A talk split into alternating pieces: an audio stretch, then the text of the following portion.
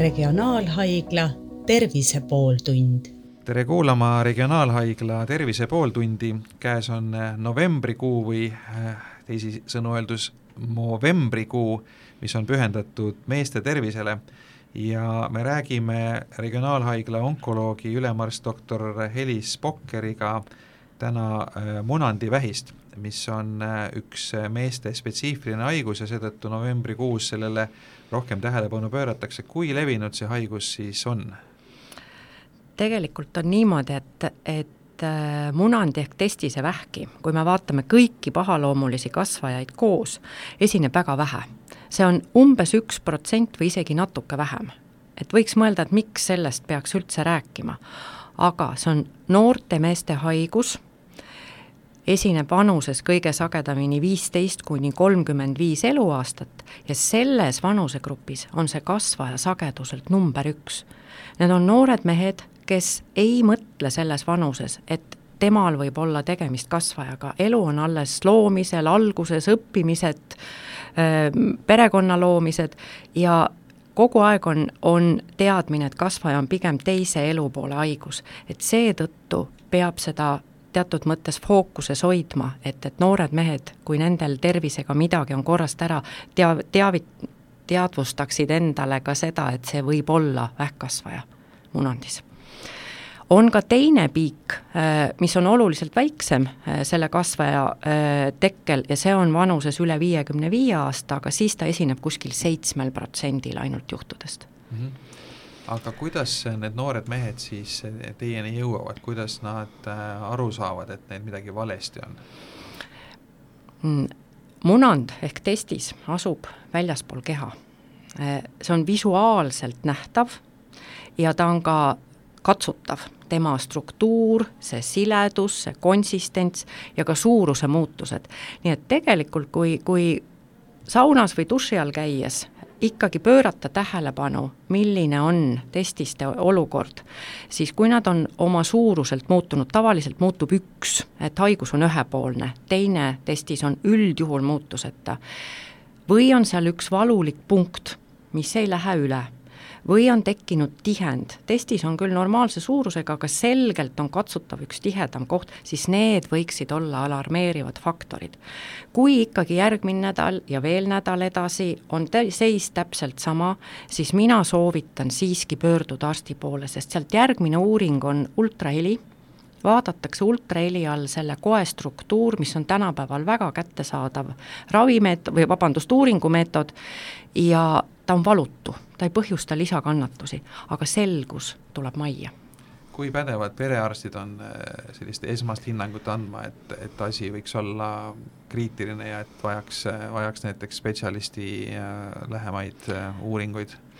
perearstid on pädevad ära tundma, et, et organis on mingisugused muutused ja tänapäeval on ju võimalik saata uroloogile ka e-konsultatsioon, et ei pea ootama pikka järjekorda vastuvõtule, vaid juba e-konsultatsiooni järgselt saab uuringud ja kõik äh, kokku leppida.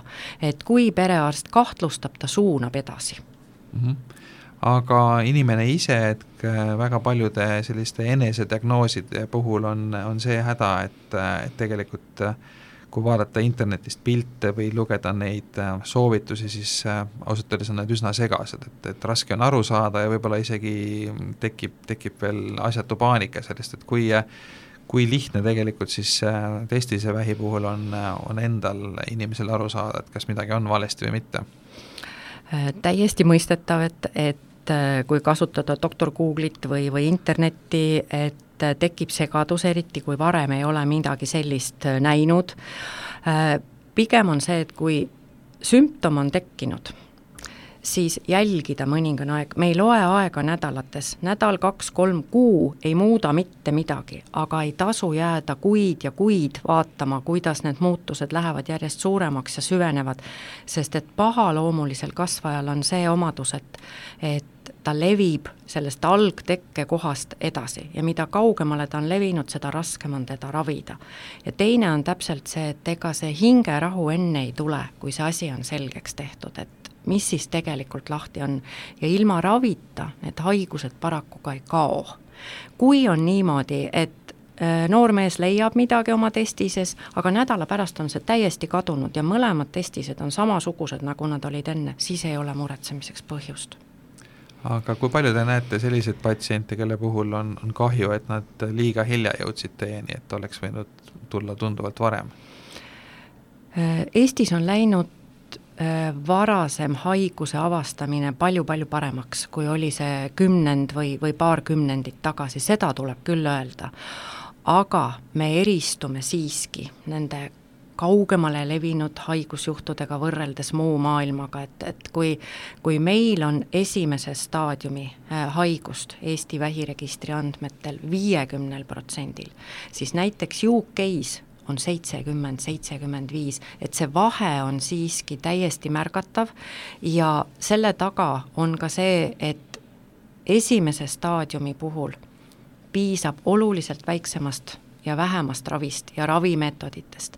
Ja tervistumine on sada protsenti, mida haigus edasi, kui ta on teises staadiumis, me peame rakendama juba mitut ravimeetodit, terveks saamise tõenäosus langeb, see on endiselt küll kõrge, aga üheksakümne protsendi peal kümmet protsenti noori mehi me enam päästa ei suuda ja kui haigus on läinud vere kaudu edasi, siis me ei suuda päästa kahtekümmet viit protsenti väga noori mehi, kes tegelikult esimeses staadiumis oleks sada protsenti elule päästetavad. aga mis see põhjus on, miks siis äh, noored mehed ei, ei pöördu arsti poole, et mis, äh, mis neid takistab?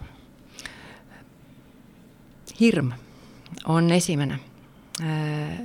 ei, ei taheta teada saada mis tegelikult toimub, et teine on see uroloogil on pikk järjekord, noh, nagu ma ütlesin, tänapäeval on võimalik äh, läbi e-konsultatsiooni äh, saada kiiremini vastuvõtule, kui ikkagi on asi urgentsem ja, ja vajab kiiremat tähelepanu spetsialisti poolt. ja, ja kolmas põhjus on kindlasti see, et äh, ei teatagi, et noorel inimesel võib olla selline haigus ja see ongi just noorte meeste haigus mm. -hmm. sellega seoses on ka terve rida müüte või arvamusi, et noh, üks levinumaid on, on see, et jalgrattasõit äh, on riskitegur, et võib-olla see tuleb sellest, et äh, kurikuulsal äh, profijalgratturil Lance Armstrongil see haigus avastati ja ja võib-olla sealt on siis hakanud levima see müüt, et, et sadulas istumine mõjub, mõjub halvasti, et, et milli-, millised need tegelikud riskitegurid on ja millised on müüdid? täpne tegelik haiguse tekkepõhjus on täna teadmata küll me teame mitmeid riskifaktoreid, mis suurendavad riski selle haigust saada. Äh, esimene on krüptorhism. see on selline seisund, kus vastsündinud poisil ei ole testised laskunud keha, äh, ühesõnaga keha õõnsustest äh, munandikotti, vaid on jäänud pidama, kas nad on siis pidama jäänud retroperitoonaalruumi või kubemekanalisse, see tõstab testise vähiriski kaheksa korda, mis on päris suur. geneetika on siin väga oluline faktor, ehk siis kui esimese generatsiooni sugulastel isad, vennad, isa, üks isa, isa, vennad äh, on esinenud testise vähki, siis vendadest teine või kolmas on kuus kuni kaheksa protsenti suurema riskiga elu jooksul see haigus saada. HIV kümme korda risk suurem pikk kasv, seda seostatakse suguhormoonide väga intensiivse tootmisega puberteedieas. leitud on ka, et eksogeenne östrogeenide eh, taseme tõus emaraseduse ajal võib hiljem põhjustada eh, noormehel testise vähitekke, samamoodi ema ülekaal ja mitmed kemikaalid, mis jäljendavad äh, östrogeeni, pestitsiidid, herbitsiidid, sünteetilised hormoonid, nendes on riskifaktor ja mõned nendest ka elustiilil. ülekaal, rasvumine, metaboolne sündroom, kanep. Kahe tuhande viieteistkümnendal aastal avaldati uuring, kus äh, iganädalaselt kanepi tarvitajad ja just see DHC on see komponent seal, tõstab riski haigestuda testis ja vähki samaväärselt kui krüptorhism ehk kaheksa korda. ja, ja teine, mis leiti selle uuringu raames, oli see, et kanepi tarvitajatel, kui avaldub testis ja vähk, siis just agressiivses vormis. müüte on palju, tõsi nii, nii nagu mainitud Lance Armstrong mitmes mõttes, kui me jätame nüüd selle dopingu loo kõrvale, hea näide sellest haigusest, hea näide seetõttu, et, et temal avastati haigus väga kaugele läinud staadiumis. tegelikult olid tal ajumetastaasid, kopsumetastaasid, lümfimetastaasid kõhuõõnes ja ta sai terveks. ja tegelikult elab täisväärtuslikku elu ja, ja loodetavasti pikalt sellest haigusest ta on vaba. Ja sealt tuli ka tähelepanu, et äkki traumad Äh, rattasport, mootorrattad, äh, ratsutamine, et, et need võiksid olla kuidagi riskitegurid, seda ei ole leitud. samamoodi ei ole leitud, et kitsad teksased või üldse kitsad püksid, äh, mobiiltelefonide kandmine püksitaskutes või kuumas vees sageli viibimine või, või põletikulised protsessid auto, autoistme soojendust ma olen kuskilt kohanud äh, ühe riskitegurina. jah, see, see on, ütleme, kuum vesi või, või need, kes armastavad vannis käia või, või et, et, et kasutavad Põhjamaad palju autoistme soojendust, ei ole leitud täna, et see võiks olla riskifaktor. tõsi, Põhjamaades, Taani, Norra, Holland, need on tipp kolm maad, kus see haigus on äh, oluliselt sagedasem kui teistel.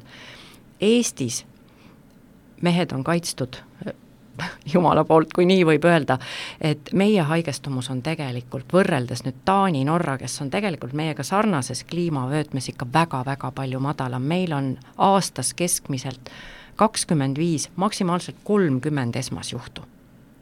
et see on siiski suhteliselt haruldane haigus? Jaa, kui me võtame kõik kasvajad kokku, siis see on haruldane ja see ka tingib selle, et sellele ei osata tähelepanu pöörata. aga nagu ma mainisin, ta on noorte meeste kasvaja number üks mm -hmm. oma sageduselt. kui nüüd äh, haigus on avastatud ja, ja läheb raviks, et äh, kuidas see ravi mõjutab elukvaliteeti, et noh, noortel meestel on kindlasti mure selles, et, äh, et mis, mis nende pereelust edasi saab tulevikus? kas nad, kas nad lapsi saavad? Täiesti mõistetav ja, ja see võib-olla on ka üks faktor, miks seda arstile pöördumist lükatakse edasi, et, et kui palju see hakkab mõjutama äh, minu äh, edasist elu ja teine, tegemist on ju väga intiimse piirkonnaga ja, ja mehelikkust mõjutava haigusega äh,. võin äh, kinnitada, et fertiilsus ehk laste saamine jääb alles ka siis, kui me peame rakendama keemiaravi keemiaravi ei muuda äh, noort meest äh, lastetuks ja aga äh, võib muuta spermatosoidide liikumise kiirust ja, ja aktiivsust. selleks, et tagada hilisem täiesti normaalsete, tervete, tublide laste saamine, on tänapäeval võimalik sperma külmutamine enne ravi, mida me pakume absoluutselt kõikidele noortele meestele, kes meile ravile tulevad. ei kahju, mitte kuidagi ei kahjustu seksuaalfunktsioon. kui see ei ole seotud nüüd vaimse poolega ja, ja psüühikaga, et, et nii, nagu on loodud paarisorganid, me võime elada ühe neeruga, me võime elada ühe kopsuga, täpselt samamoodi võib elada ühe testisega, ta võtab selle teise testise funktsiooni üle ja kõik läheb edasi, nii nagu ta läks varem. harva, tõesti väga harva mõningad noored mehed vajavad äh, väikest testosterooni toetusravi kõrvale. aga sellega tegelevad juba androloogid ja, ja ei ole elukvaliteeti äh, ütleme, selle mehelikkuse ja selle poole pealt äh, ükski nendest ravimeetoditest kahjustav. küll aga, mida peab arvestama, mida kaugemale on läinud haigus, seda kombineeritumat ravi tuleb teha, nii kirurgiat, sageli korduvalt, keemiaravi, mõnikord ka kiiritusravi ja nende ravide hilismõjud võivad küll mõjutama hakata, et seetõttu ongi see tähelepanu, et kui esimese staadiumi haiguses piisab ainult selle kasvaja algkolde eemaldamisega ja teinekord piirdubki sellega ja rohkem ei ole mingit ravi teha, siis kolmandas staadiumis on ravi esiteks pikk, ravikuure on mitmeid ja ohus on teises elupooles tekkivad äh, hilistüsistused sellest läbist tehtud ravist Te mainisite äh, geenitegurit kui riskitegurit, et kas äh, geenitestidega on võimalik ka välja selgitada, kui suur tõenäosus selle haigusesse haigestumis, haigestumisse on? tänaste teadmiste järgi ei ole sellist ühest testi, mis ütleks, et, et selle geeni kombinatsiooniga on vot risk nii suur või naa suur.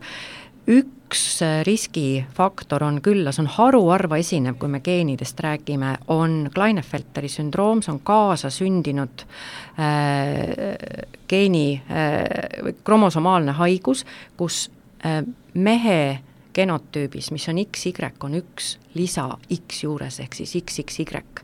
Need, need äh, mehed on äh, disponeeritud äh, väga tugevasti testisvähi tekkeks, aga see on üliharv, nagu ma ütlesin. Kordame lõpetuseks võib-olla üle siis need, need asjad, millele noored mehed või mitte ainult noored, aga eriti noored mehed peaksid tähelepanu pöörama ja ja mida tegema selleks, et, et olla kindlad, et, et nad sellesse haigusesse ei haigestu või kui nad isegi haigestuvad, et seda saaks varakult ravida ja sellest saaks terveks? mida saab enda jaoks ära teha, on olla tähelepanelik oma organismi ja oma tervise suhtes. nii nagu naised peavad jälgima oma rinnanäärmeid, enesepalpatsiooni, hoolima endast, ja, ja kõrval loomulikult tervislik eluviis, nii nagu enne jooksis siin jutust läbi, et ülekaal ja metaboolne sündroom ja, ja kõik see ikkagi mõjutab meie hormonaalsüsteemi ja, ja sealt edasi võib suurendada riski ka äh, testisevähi tekkeks. ülekaal vist on ka kümnete, kui mitte sadade muude haiguste riskitegur, et ja vähil ka, jah. Ja, ja, ja mitte ainult testise vähil, ka, ka teistel vähkidel on ikkagi ülekaal äh, riskiteguriks. Et see on kinnitust leidnud. Ja lisaks veel ülekaal ka, kui haigus on diagnoositud, halvendab tegelikult ka raviperioodi tulemust. nii et, et seda on tõesti leitud. et endast hoolimine ja vajadusel mitte karta pöörduda, sest et äh, kui saadakse teada, et kõik on korras, siis see hingerahu on kulda väärt kui on haigus olemas, siis mida varem me kätte saame, nii nagu enne jutuks oli, see tõenäosus tervest, tervistuda esimeses staadiumis on sada protsenti. nii et äh, noored mehed, mitte ainult noored mehed, aga kõik mehed, siis pöörake enda äh, tervisele tähelepanu, ärge häbenege äh, minna arsti juurde, kui miski muret teeb ja ja kui varakult äh, isegi, kui selgub, et ongi see haigus teid tabanud ja varakult jaole saab, siis on tervistumise tõenäosus sada protsenti, nii et novembrikuus kindlasti pöörake sellele küsimusele tähelepanu.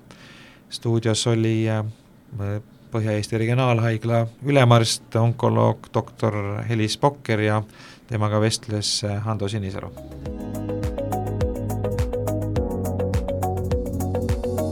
Regionaalhaigla Tervise pooltund